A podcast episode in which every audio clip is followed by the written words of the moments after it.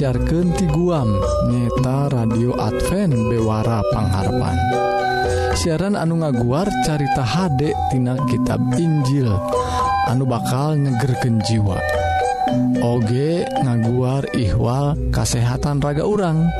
Haha nu pakait cara ngahontal hirup anu langgengtah parwargi upami parwargi ngaraos diberkahan Atanapi ayah patarosan. Tiasa ngontak Kasim Abdi Dina serat email. Nyeta alamatna bewarapangharpan@ gmail.com tawa tiasa ngontak karena nomor HP atau waA 08 hiji salapan hiji salapan 2275 hijjipan simkuring oge nawisan perwargi bilih kersa ngaos bahan bacaan rohani tiasa dikintunan ku Abdi.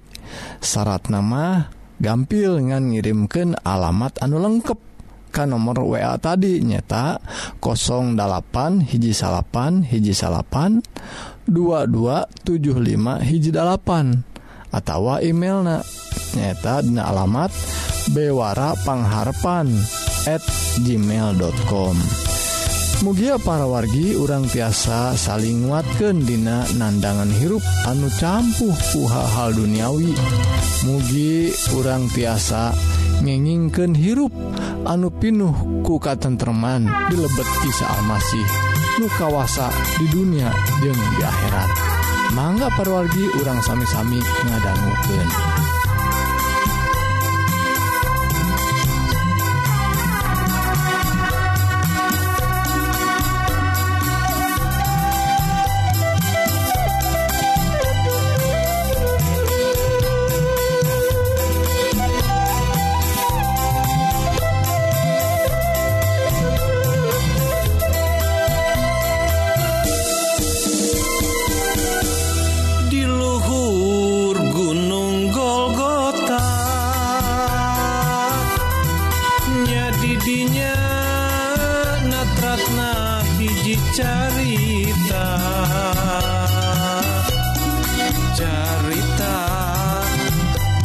asih jeung katresna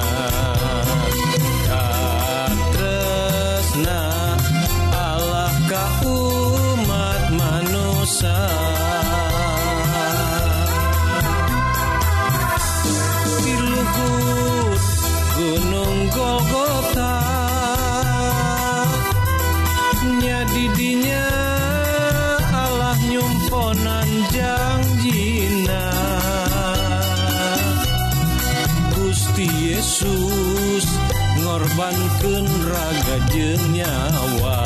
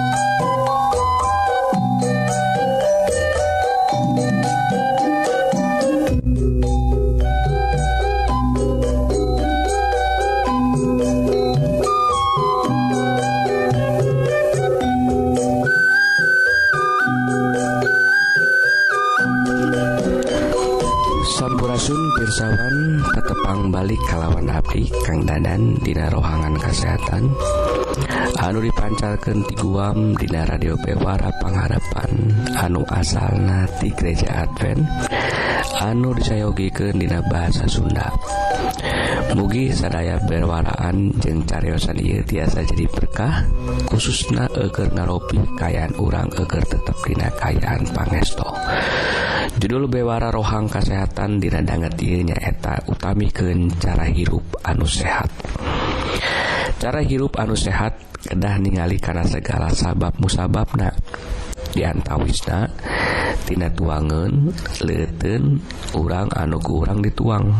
Jeng tingkah pola urang saddinden eta sadayana kedah jadi peratosan urang. Dina ngajalanan cara hirup anu sehat. contohnya tidak sedaya kelakuan jeng cara anu ngaruksak karena kesehatan urang. Seger kengeng hirup anu sehat tang tuna kedah ngalakonan jeng ditinggal karena cara hirup anu sehat. Palawargi manusia hiji-hijina makhluk anu ngutamikan kesehatan namun osok salah dina ngahontalna. Sabab gaya hirupna tengah dukung karena kesehatan dimana ayeuna jelema nuang tuangan anusarba gancang padahal tuangan eta sehat sabab sinerjat anu awona ngan masalahna ia ayaku sabab kajjurung ku waktu jeung teknologi anu beki canggih anu terkedah ngantos waktu anu lami. Sadana tiasa ngansa kejap tos danten tesiga kapungkur janggu kedah diisikan terus dikukus tos gitu diakel sinetiis tapi enak naon tinggal coloken karena listrik tuangan 20 menit tos asak jeng terkedah diakel cara hirup anu kil atau tetiasa kajauken tina kehidupan manusia dina waktu status ayena tapi sedayana eta anu nyebabkeun cara hirup urang tersehat kusabab gitu sapertos perkawis kapinteran atau kabisa kena dipidamel kesehatan oge ngebutuhkan kabisa. Ame tiasa jadi bener.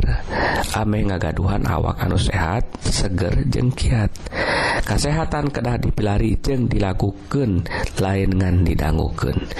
Kinten-kinten kumaha palawargi? Sarana ame urang gaduh ilmu kesehatan anu bener. benar salah Saidina palawargi kedah getol ngadongkapan acara-acara seminar kesehatan jeng latihan tur ngadatangkan ngadatangan kempelan-kempelan kesehatan. Sabab gaya hirup anu sehat bakal datang tina ngaidina urang kana lingkungan anu ngajarkan kesehatan. Selain teta oge urang kedah rada tarati karena tuangan dimana anu dituang tuangan anu sehat anu digoreng jengirangan le anu seueur soda kopi alkohol anu tiasa masihan tilas anu kirang sae kanggo kesehatan urang. Buletken kahoyong urang eger gaduh cara hirup anu sehat. tiasa kurang diupayakan nyata cara tuang anu bener istirahat anu bener olahraga anu bener jengka jauh dinazat adiktif jeng keimanan orang anu sehat. Emang sadayana mual tiasa kahontal tapi urang kedah gaduh tekad eker hirup ku cara anu sehat jeng bener. Sepertos polusi limbah jeng serangan radikal bebas urang mual tiasa nyingkah. Kusabab atus ayah desa keliling urang namun ku gaduh cara hirup anu sehat jeung tiasa ke urang diupayakan bakal ngadatangkan hasil anu minimal karena kajaunatina dampak anu gorengtina lingkungan.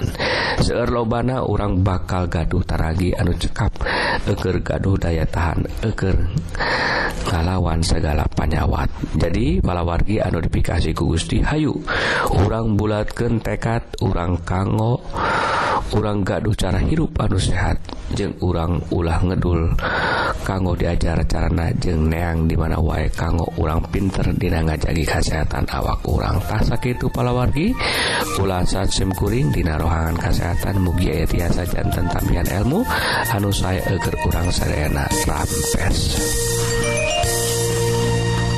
di kota Bethlehem Allah nyomponan jangjina Allah muat tos kedal basa kaparana bina bina nabi-nabi kota Bethlehem ribuan tahun kalangku.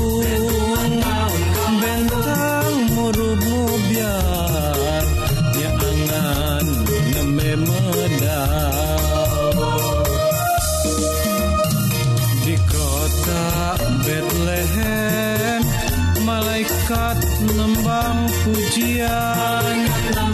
Baru jika Gusti nyanggakeun sembah pangbakti pangangon nyaksikeun cumpona janji pangeran. Medal nasang raja. Juru manusia Bethlehem lain kota pangletikna. Di anjen parantos menyal sangrai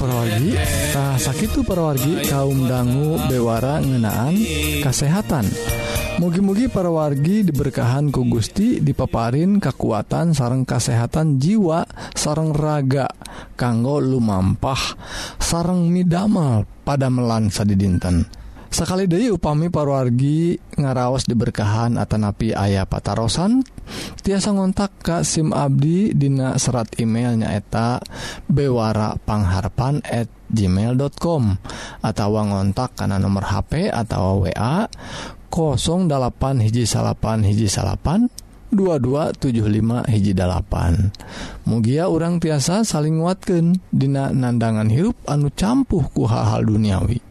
mugia urang tiasa ngingingken hirup anu pinuh ku katentreman di lebet Isa Almasih nu kawasa di dunia jeung akhirat. Salahjengnah parwargi Hayu atuh kaum dangu urang sadaya terasken karena rohang rohani anu bade ngaguar pengajaran kamu bawaun hirup di akhirat nu unggel natina kitab suci. Sumangga jeng ngadang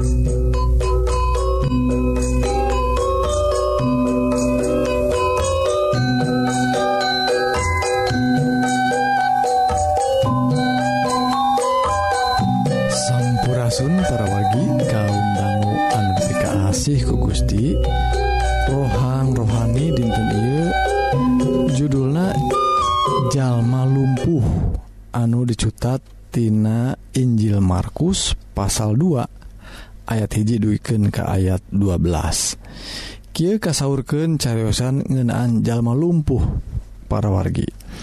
Bejana di Nasaret ayah guru anu bisa ngubaran segala penyakit nahnya gitunya gitu paterosan jalmi-jalmi harita para wargi.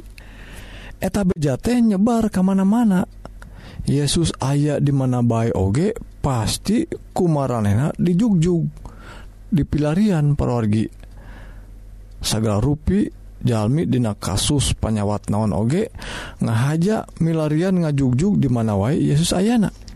Anu Gering dibawa ke Anjena sarta terus dicagerken anu lolong anu torek jeung anu pire kabeh dicalagerken ku Yesus parorgi atuh Yesus teh harita manik kakoncara pisan parorgi. ku Anj nama penyakit naon bay oge boh penyakit badani boh penyakit rohani bisa dicagerken pergi lantaran Anj nama ti Gusti tos nampi kawasa anu khusus jangan ada mangken anu gareringtah Gusti Allah tos maparin kawasa Ka Yesus Kristus Kais Almasih kanggo nyagerken segala panyawat urang parorgi takut sabab gitu parwargi? Umat jadi palercaya karena kasauran Anjena percaya karena kecap-kecapna sarang pengajaran pengajaran anu dia diulangkan ku Isa Almasih. Parwargi harita ayah hiji jalma anu lumpuh. Batur-baturna percaya Yesus tiasa ngada mangken manehna. Lantaran manehna teh te bisa walakaya pisan tulu baik digarotong kuopatan jeng samak-samakna dibawa parwargi etan lumpuh teh rek dibawa ka Yesus. Ta harita Yesus nuju ngawulang. Barang marahna tepi kanu dituju buruan imah tempat Yesus ngawulang teh pinuh pisan ku jelema anu keur ngadarengukeun. Atuh maranehna teh tuh bisa asup.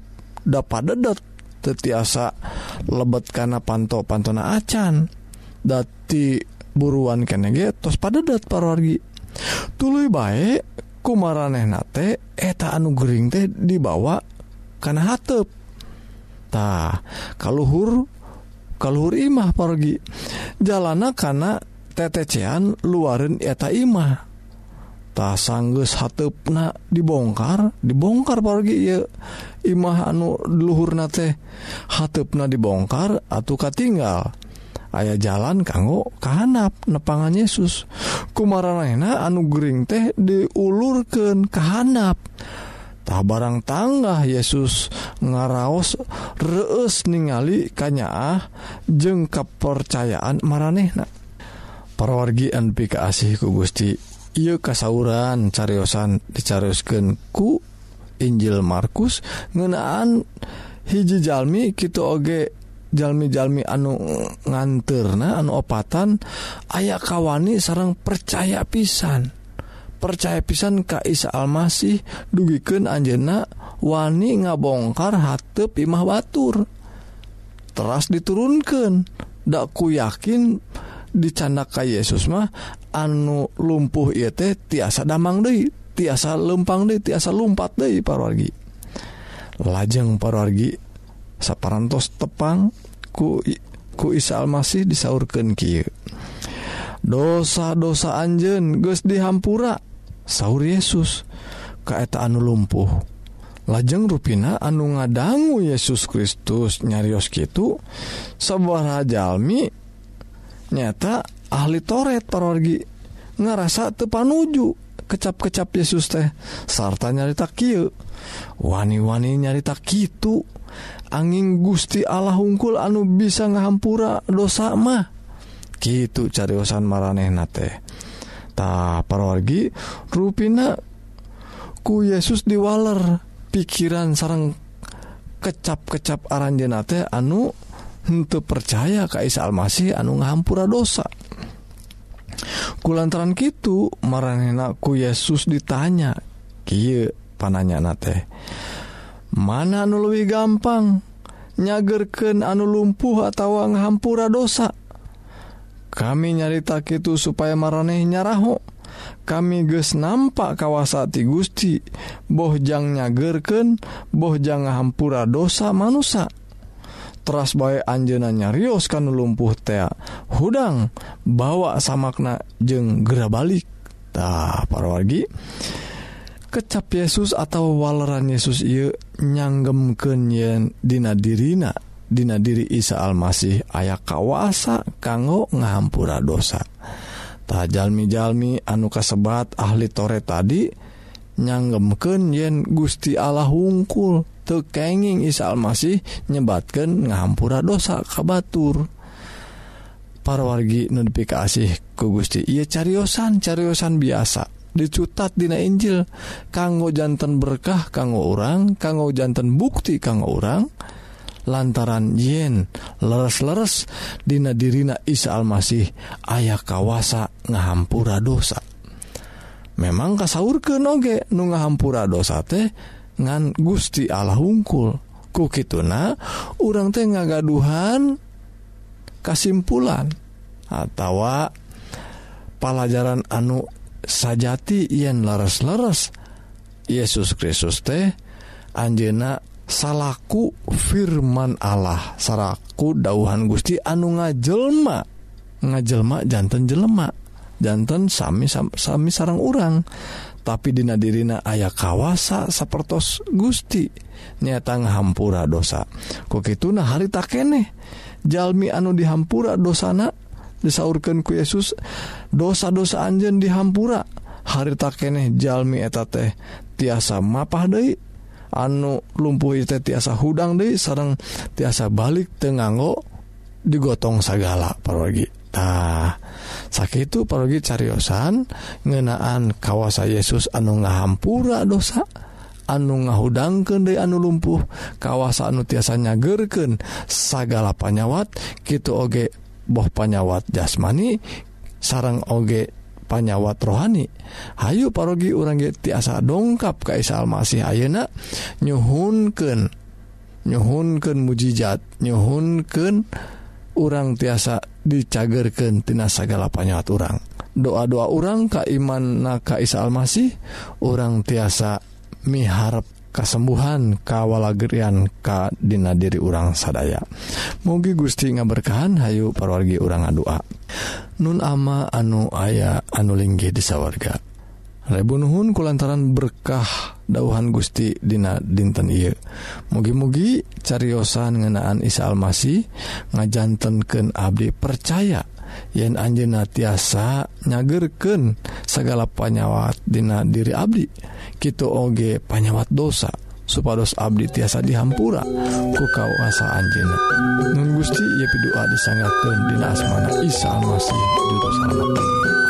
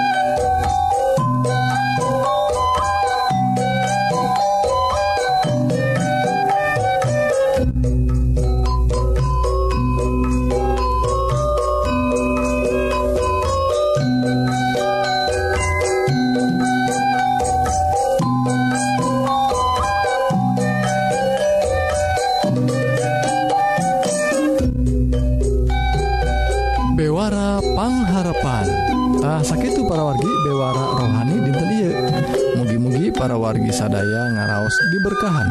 Sarang ngalaman hirup anu tengrem sapparantos ngadanggu dauhan Gusti anu pasti mual ingkar Dina nedunan janjijangjiina tahu pami parwargi Hoong diajar dauhan Gusti anu langkung jeruk tiasa ngontak Kasim Abdi Dina serat email nyata bewarapangharpan at gmail.com atau ngontak karena nomor HP atau wa 08 hiji salapan hiji salapan 2275 hiji dalapan. SIMkuring OG nawisan Billy parwargi kersa ngaos bahan bacaan rohani tiasa dikintunan ku Abdi. Tak syarat nama gampil. Ngan ngintunkan alamat anu lengkap ke nomor WA anu tadi 08 hiji salapan hiji salapan 2275 hiji dalapan atau alamat email bewarapangharapan at gmail.com Mugia para wargi tiasa saling nguatkan dina nandangan hirup anu campuhku hal-hal duniawi. Mugi urang tiasa nginginkan hirup anu pinuhku katentreman di lebet Isa Almasih nu kawasa di dunia jeung di akhirat. Ridua Abi mugia Gusti berkahan ka urang sadaya.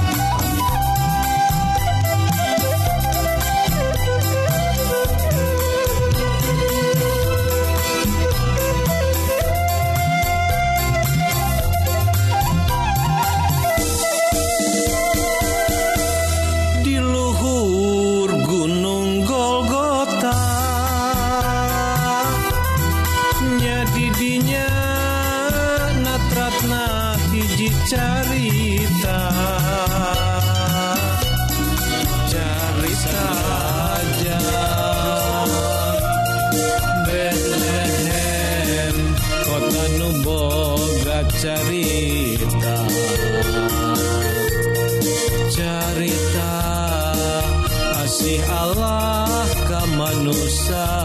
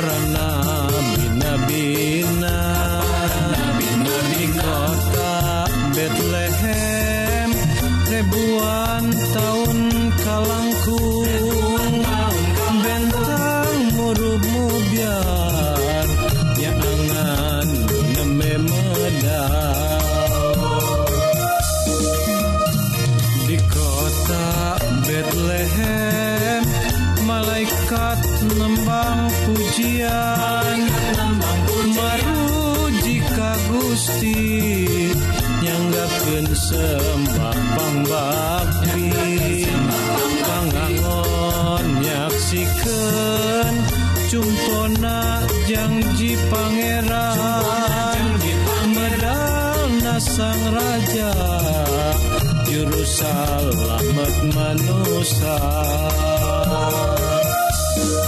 Bethlehem lain kota pangletik